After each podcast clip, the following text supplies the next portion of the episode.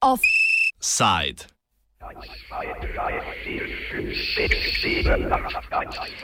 Deutsche Waschmaschine.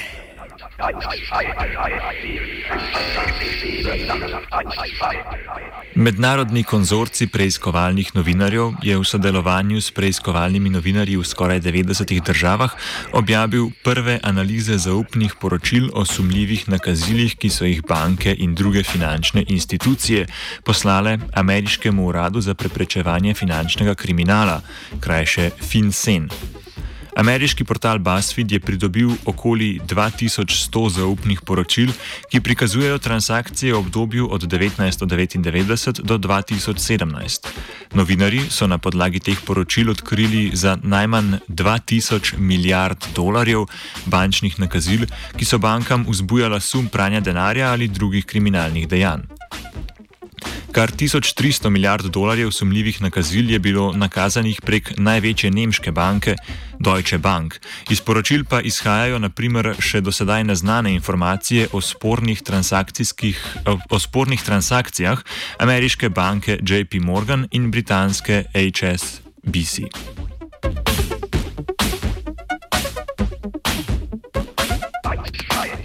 Vendar pa 2000 milijard dolarjev sumljivih transakcij ne pomeni, da so bile vse dejansko kaznive. Gre namreč za poročila internih nadzornih služb bank, ki so zaznale transakcije z visokim tveganjem in o teh poročale nadzornemu organu, kar od njih zahteva zakon. Je pa poveden podatek, da so bančne institucije ameriškemu FinCENu samo od leta 2011 do 2017 poslale kar 12 milijonov takih poročil, znesek 2000 milijard dolarjev pa temelji na zgolj 2100 takšnih poročilih. FinCEN je že v začetku meseca izrazil prepričanje, da je takrat še neobjavljeno razkritje informacij iz poročil o sumljivih aktivnostih nezakonito in lahko ogrozi ameriško nacionalno varnost.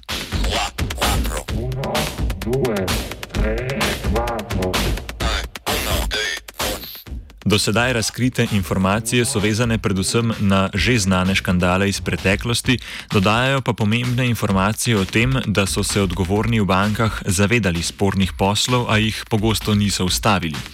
V današnjem offsajdu pozornost namenjamo Deutsche Bank, ki je povezana s krepko več kot polovico razkritih sumljivih bančnih transakcij.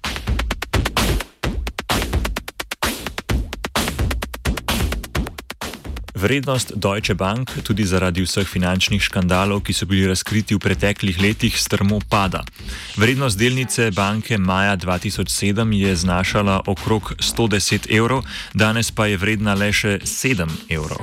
V minulih letih je Deutsche Bank s toživci v različnih primerjih že sklenila več poravnav, da bi se rešila iz sodnih mlinov. Več kot 6 milijard evrov je morala plačati po dogovoru z ameriškim pravosodnim ministrom zaradi obtožb o prodaji toksičnih finančnih inštrumentov, ki so vodili v finančno krizo leta 2007 in 2008. Leta 2015 je banka morala plačati več kot 200 milijonov evrov zaradi kršenja sankcij Združenih držav Amerike. Ameriški organi pregona so takrat ugotovili, da je banka med letoma 1999 in 2006 izvedla za več kot 9 milijard evrov transakcij v imenu iranskih, libijskih, sirskih, mjanmarskih in sudanskih finančnih institucij, deležnih ameriških sankcij.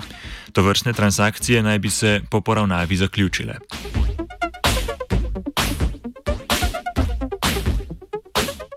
Več kot pol milijarde evrov je ameriškim in britanskim finančnim oblastem morala Deutsche Bank plačati leta 2017 zaradi pranja ruskega denarja. Skoraj 9 milijard evrov je banka omogočila oprati ruskim oligarhom s pomočjo prodaje delnic v rubljih in njihovega nakupa prek slamnatih podjetij v zahodnih državah. Matijas Goldman z Frankfurtske Goethejeve univerze pojasni osnoven način delovanja te scheme za pranje denarja. um, you're buying shares in Moscow and you're selling the same amount of shares in London. Yeah, and by that, you virtually so it, it's basically the same the same person at the end. You know, the the person who profits or eh, economically from that uh, uh, from that purchase in Moscow and and and sale in London is the same. There might be several enterprises included in between, but that doesn't really matter. effectively, a person sells uh, buys shares in Moscow and sells them in London, and the only effect of that is that you transfer your money, your rubles, into you dollars. Probably, it, I think it's been dollar trades in, in, in London into dollars that are in London, and with that, they're also in the EU, and uh, they can circulate freely. And that's money laundering. Yeah, European anti-money laundering directive has a rule that is called the Know Your Customers rule. So that means a bank should know who's economically benefiting from a transaction like the one in Moscow or the like uh, like the one in London. And with that knowledge, they should be able to connect, you know, to, uh, to connect it and to get behind the scheme.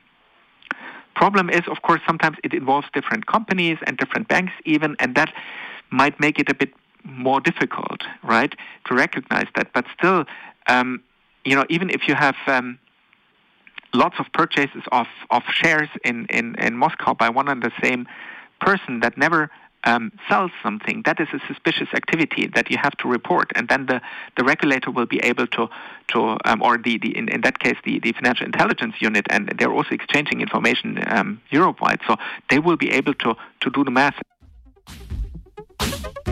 Gre za tako imenovano zrcalno preprodajo delnic.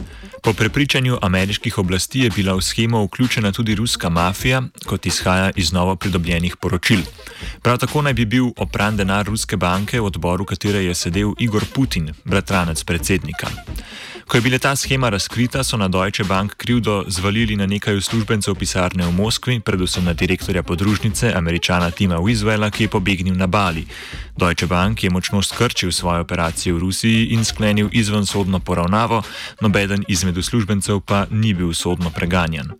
Ker ameriško pravosodno ministrstvo primer še zmeraj preizkuje, Deutsche Bank v zadnjem letnem poročilu ne izključuje možnosti prihodnih poravnav. Goldman povdarja, da je bila schema dobro poznana, z novimi razkriti informacij iz poročil pa dobivamo v pogled, s katerim se sedaj zdi škandal še večji. So the facts of these um, trades in shares that are have now been revealed uh, relate to or go back to the period between 2010 and 2016. Um, and it, it is a known fact from previous scandals, so to say, that the compliance of Deutsche Bank in that period wasn't really exactly uh, where it should have been. Uh, so there was another scandal involving um, fake loans um, between Russian and uh, UK companies, uh, the so-called Russian laundromat that came up a couple of years ago, and um, it relates to the same branch, to the um, Moscow um, subsidiary of Deutsche Bank that has meanwhile been closed. So we know that they had a serious problem with uh, big scale, yeah, large scale financial dealings. And uh, um, we also know that meanwhile, you know, without, you know, um, uh, trying to defend Deutsche Bank too much, but we know that meanwhile Deutsche Bank has stepped up its compliance department considerably.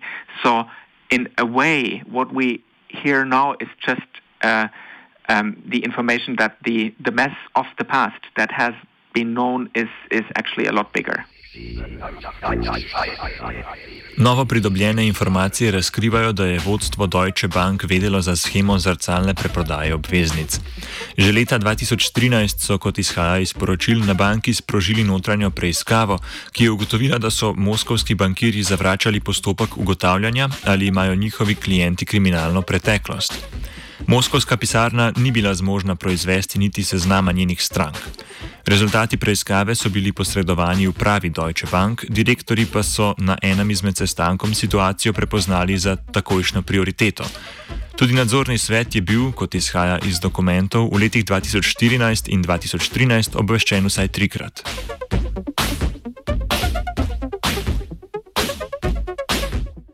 Po leti 2014 je oddelek za notranji nadzor, ki ga je takrat vodil sedajni direktor banke Kristjan Zeving, začel s preiskavo moskovske podružnice, a preiskavo zaključil že jeseni istega leta.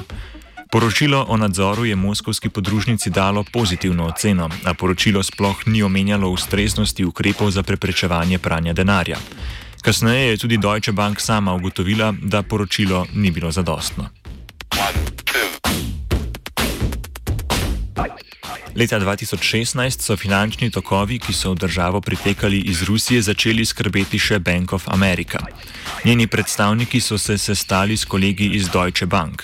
Sestanek je prekinil eden direktorjev Nemške banke, preiskovalce iz Bank of America pa odslovil, saj niso bili pooblaščeni za preiskavo. Kmalo zatem je ameriška banka poslala poročilo na FinCEN, zatem pa je sledil pregon strani britanskih in ameriških oblasti.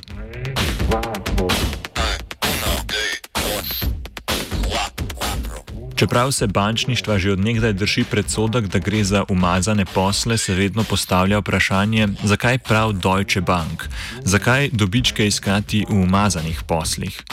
Goldman si sicer ne drzne špekulirati, ali so sporne transakcije prav v primeru Deutsche Bank načrten izhod iz sicer slabe finančne situacije.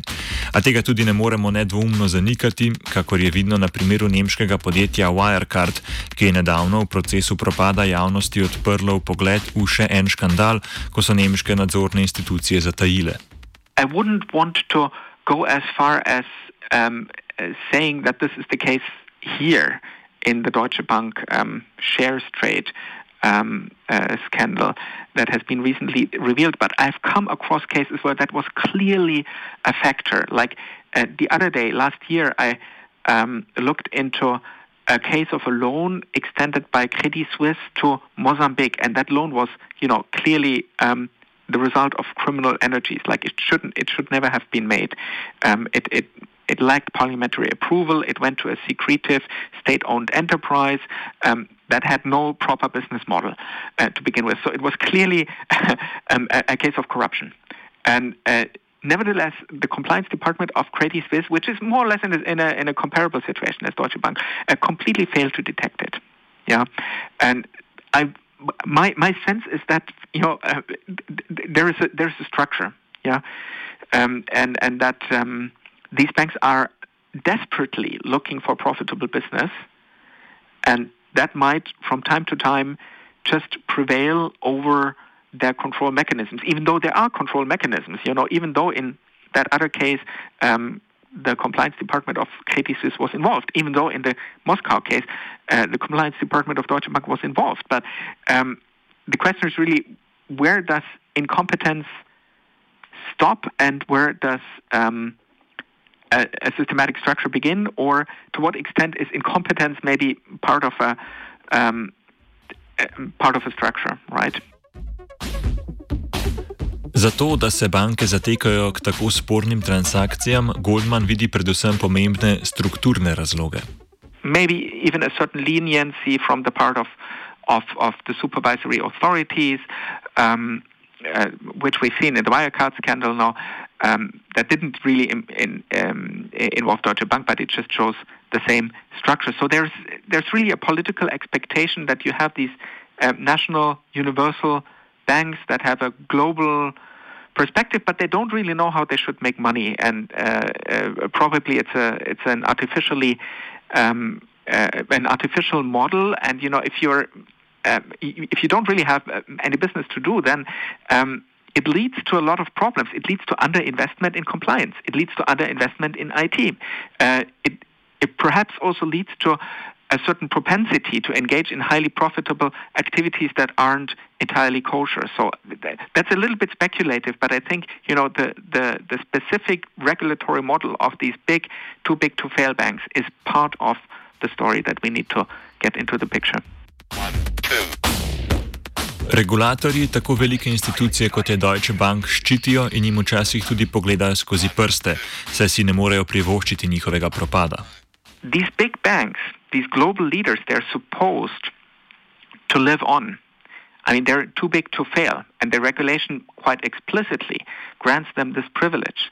At the same time, that privilege might help um, the survival of a banking model that isn't really viable under marking under market conditions. So that uh, I mean, investors have criticized that for a long time that the Deutsche Bank has a portfolio that is uh, in, impossible to, to, to steer, and it would be an idea, you know, to just break it up into smaller units that are better, that you can better control.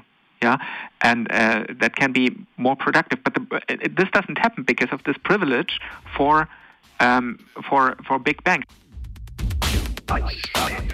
V postopanju Deutsche Bank ob soočanju s pranjem denarja pa lahko vidimo tudi izraz specifičnega razvoja banke, ki je na hitro zrasla z vstopom na tuje trge od konca 80. in začetka 90. let prejšnjega stoletja. Why didn't the bank address that at the time? And the story here goes um, back, I think, to the 1990s when Deutsche Bank began to grow from a, you know, a national bank for Germany into what it into an aspiring global leader. And that led to a clash of cultures. So Deutsche Bank went around the world and did some shopping, and they bought a lot of, um, you know, investment um, teams that were highly profitable and that came to dominate even Deutsche Bank. Uh, while at the same time, I think their whole setup, and that includes everything from the mentality to the IT structure, was not made for that. It was simply was not made for that. They had a clash of cultures, and the center should control the new parts, but it wasn't up to the level of the new parts. Neither um, in terms of training, nor sophistication, nor IT. And IT is really a, a relevant factor if you want to detect.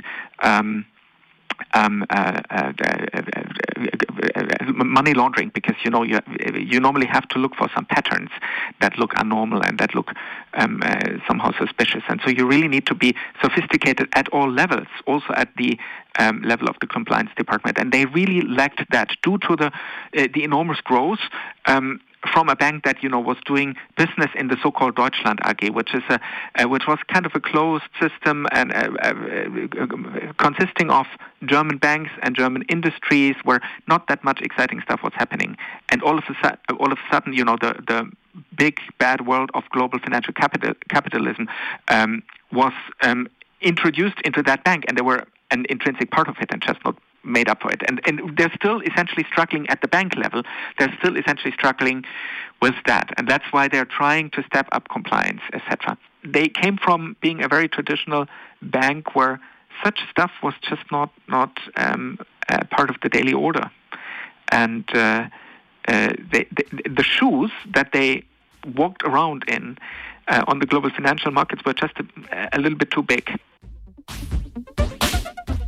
Bančni škandali gredo pravzaprav z roko v roki s siceršno okostenelostjo velikih bank, kot je Deutsche Bank. The normal bank business, um, which is making loans and um, well, taking deposits and making loans, um, is not very profitable anymore for reasons that you will probably know, um, low interest rates. And uh, interest rates are going to stay low. I mean, the corona cri- crisis just reaffirms what everybody has said already. We have to reckon with low interest rates for um, the, uh, the, the medium term future, maybe even long term. And um, that means that banks cannot make a normal business um, on that.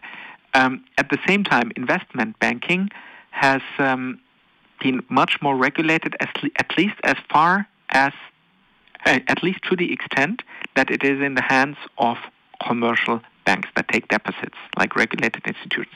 There's a lot of shadow banking going on that is not sufficiently regulated, regulated yet, but the activities that normal banks can engage in to make a profit really have been diminished. At the same time, they get this lifelong guarantee from the regulator because they're too big to fail, and one doesn't want to have um, a you know a, um, a, domino effect triggered by the uh, insolvency of one of the big European institutions, and it's just the same in the United States. So, so these banks are kind of in a in a problematic situation. Zaradi konkurence manjših in bolj fleksibilnih podjetij, ki nudijo digitalne finančne storitve, bi se morala Deutsche Bank, če bi želela poslovati uspešno, razbiti na manjše dele, meni Goldman. There is a lot of new business in the financial markets in um, the field of digital services, and unfortunately, um, the big banks uh, sometimes they, they succeed in buying a small unit that does digital finance, but on the whole, in general, I think their position is not really where it should be. They're not leaders in the market in, in, in the market for financial services. Um, that's more smaller enterprises that get part of the market share. Uh, because these digital services are just you know more profitable. They use a lot of economies of scales, which big banks find difficult to use because they still have their um, their uh, branches and their subsidiaries and a lot of staff and um, also, of course, clients who appreciate that, and that's uh, that's an infrastructure that's very um, um, uh, expensive to maintain. At the same time, the maintenance of that infrastructure makes or is the cause is one of the causes why they don't really have the resources for investing into digital services, and why they're lagging behind if it comes to you know participating in the transformation of the financial sector. So that's why I say that I guess we would be much better off without these big guys, without these big banks, and, and they should be downsized and, and, and split into several entities. And then, you know, that would free capital for um, for investments into digital services and digital infrastructure. So it's not just digital infrastructure; it's also digital services, uh, where a lot of the profits go nowadays, and where, where or a lot of the dynamics are uh, in in the banking markets. And the big institutions they have too much baggage from their past that really makes them uh, inflexible. Yeah? V Deutsche Bank sicer v zadnjem času obljubljajo prestrukturiranje, ki se je na zadnje odvilo v obliki množičnega odpuščanja v Severni Ameriki. Toda tudi konec spornih transakcij so obljubljali že leta 2015.